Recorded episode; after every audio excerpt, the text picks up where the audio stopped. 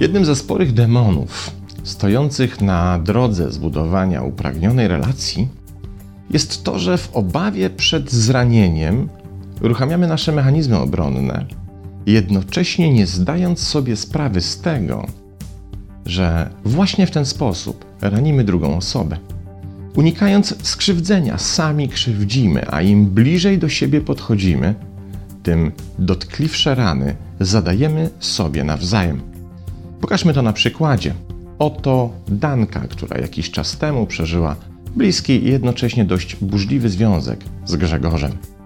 Skończyło się fatalnym zawodem, bo Grzegorz miast okazać się księciem z bajki. Wymarzonym superbohaterem na białym koniu okazał się niegodny włożonego weń zaufania. Po prostu zdradził Dankę, oszukał i niecnie wykorzystał. Innymi słowy, mocno i dotkliwie zranił. Danka przetrawiła swój ból, pozbierała się i stanęła wreszcie jakoś na nogi. Od kilkunastu miesięcy jest sama i na powrót zaprzyjaźnia się powoli sama ze sobą. Teraz na horyzoncie pojawia się Andrzej. Ma wszystkie atuty, by zainteresować sobą Dankę, więc pojawia się zalążek nowej relacji. Jednak tym razem Danka robi się dużo bardziej ostrożna, Pamięta przecież, czym skończyła się ostatnia bliska relacja z Grzegorzem, w czego efekcie najmniejsza zapowiedź pojawienia się relacyjnej bliskości z Andrzejem napawa ją lękiem. Ten zaś lęk powoduje, że siłą rzeczy staje się bardziej wstrzemięźliwa w pokazywaniu uczuć, bardziej chłodna i obwarowuje swoją autonomię całą masą zupełnie niepotrzebnych mechanizmów obronnych zaczyna się wobec Andrzeja zachowywać na tyle asekuracyjnie, że w końcu to jej zachowanie zaczyna go ranić. Zauważa bowiem, że każda próba zbliżenia się do niej, zbudowania intymności, miast konstruować zaufanie, jedynie udanki powoduje pojawienie się kolców. Kolce te zaś mają wyjątkowo ostre końce i kontakt z nimi do przyjemnych niestety nie należy. Andrzej zaczyna więc również się bronić. Przecież on też dysponuje kolcami. A skoro tak, to czemu miałby ich nie użyć w odwecie za poniesione rany? I w ten sposób powstaje spory problem. Pozornie udany i wydawałoby się idealny związek sam siebie od środka pozbawia się szans na zbudowanie trwałej, bliskiej, intymnej relacji. U obojga partnerów pojawiają się wątpliwości czy to na pewno właściwa dla mnie osoba? Czy koszt tej relacji nie przewyższa czasem dla mnie profitów, których oczekuję? Czy aby na pewno warto taką relację kontynuować? Taka relacyjna sytuacja, którą uwielbiamy nazywać to skomplikowane, jest w rzeczywistości zobrazowaniem mechanizmu nazywanym dylematem jeża lub jeżo zwierza i ma swoje źródło w pewnej bajce Artura Schopenhauera, niemieckiego filozofa, nawiasem mówiąc, urodzonego w Gdańsku. Tak, tego samego, od erystyki, czyli sztuki prowadzenia sporów. Bohaterami tejże bajki są marznące na mrozie jeżo zwierzę. Biegają w chaosie, próbując znaleźć sposób na odrobinę ciepła. W końcu wpadają na pomysł, że przecież mogłyby się ogrzać od samych siebie, kiedyby się do siebie gremialnie przytuliły. Jednak, kiedy zaczynają się zbliżać, to jednocześnie zaczynają się nawzajem ranić swoimi kolcami. Skrzywdzone i zranione znowu się rozpraszają, ale wówczas ponownie zaczynają odczuwać zimno. Więc po raz kolejny próbują się zbliżyć i znowu się ranią. To z kolei znowu powoduje odsunięcie od siebie i konfrontację z zimnem. I tak trwa ten taniec jeżo-zwierzy, które usiłują pokonać nierozwiązywalny dylemat. Albo czujemy się bezpieczni w określonej odległości od siebie, w której siebie nawzajem nie ranimy, jednak za to poczucie bezpieczeństwa i autonomii musimy zapłacić chłodem wynikającym z braku bliskości, albo też możemy poczuć ciepło drugiej osoby ogrzać się jej bliskością, ale jednocześnie za to ciepło musimy zapłacić wzajemnie zadawanymi sobie bolesnymi ranami.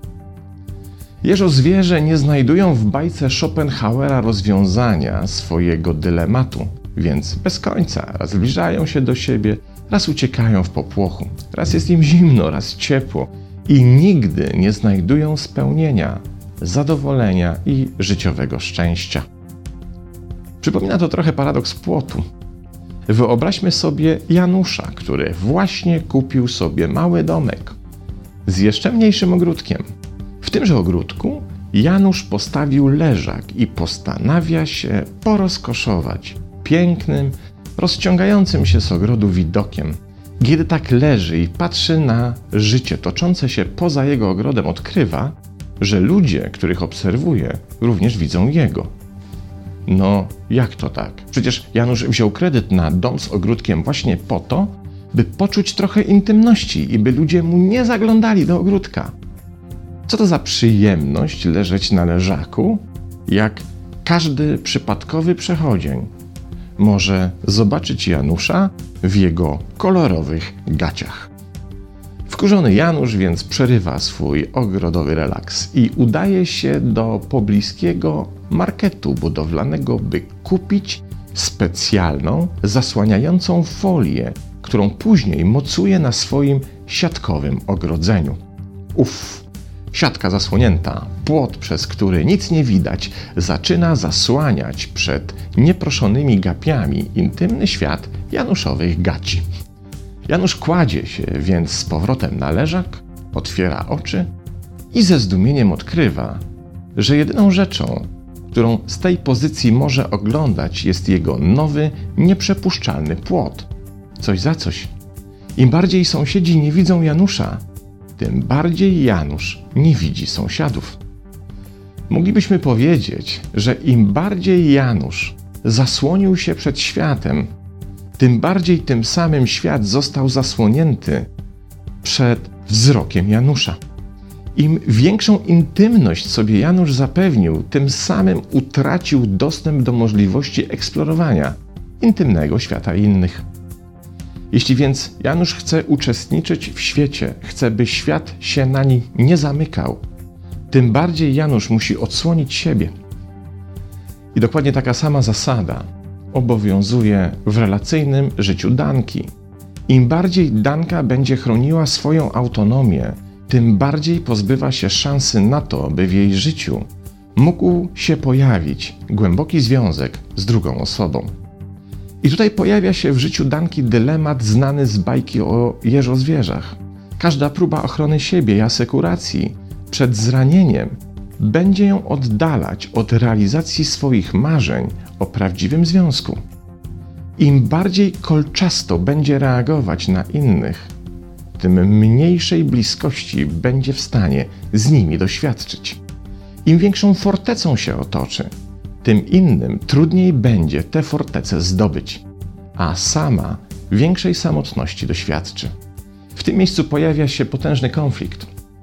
Z jednej strony chcemy być kochani, czuć poczucie więzi, bliskości, czuć ciepło, relacyjnego bezpieczeństwa, ale z drugiej strony chcemy chronić swoją autonomię i niezależność swojego własnego ja.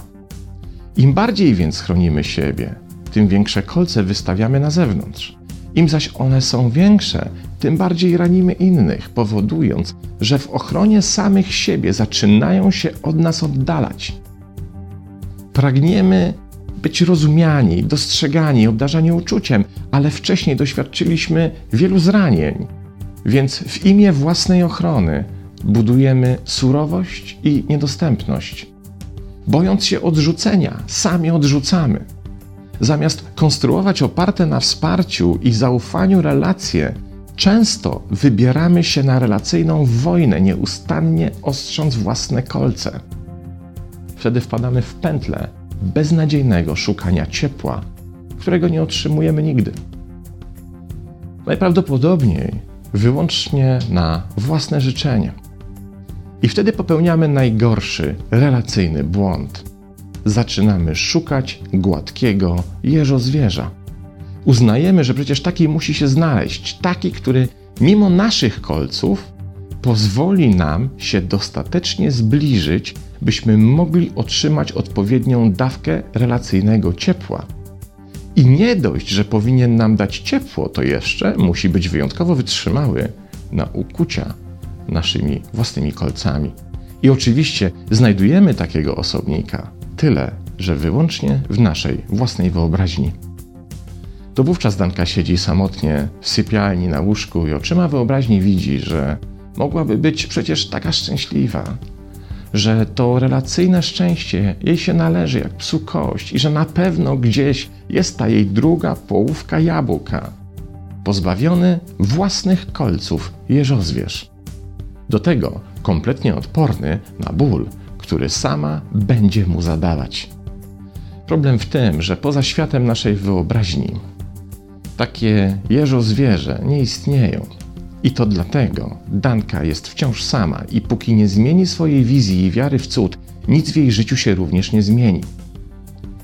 Jak zatem wyjść z tego zaklętego koła nieustannego ranienia innych i narażania się na zranienie, koła cierpienia i zadawania cierpienia? Wystarczy sprytna sztuczka. Znajdź na początek najkrótszy dystans, w którym Twoje kolce nie ranią drugiej osoby, a jej kolce Ciebie. Kiedy te dwa jeżo zwierzę postoją tak chwilę w bezruchu, ich kolce przestaną się prężyć, odrobinę opadną, staną się odrobinę mniej ostre. Wówczas zmniejsz dystans, też odrobinę, tylko do momentu, w którym nikt nikogo nie rani. To spowoduje, że kolce znowu odrobinę opadną, a wówczas przesunięcie się ku sobie znowu o krok dalej będzie możliwe. To jedyny sposób. Powolny, ale bezpieczny dla obydwu jeżozwierzę. Aż w końcu nabiorą do siebie takiego zaufania, że ich kolce położą się leniwie wzdłuż ich ciał i wtedy będzie można podzielić się prawdziwym i tak potrzebnym ciepłem. To najlepsza strategia na jeżo zwierzę. Pozdrawiam.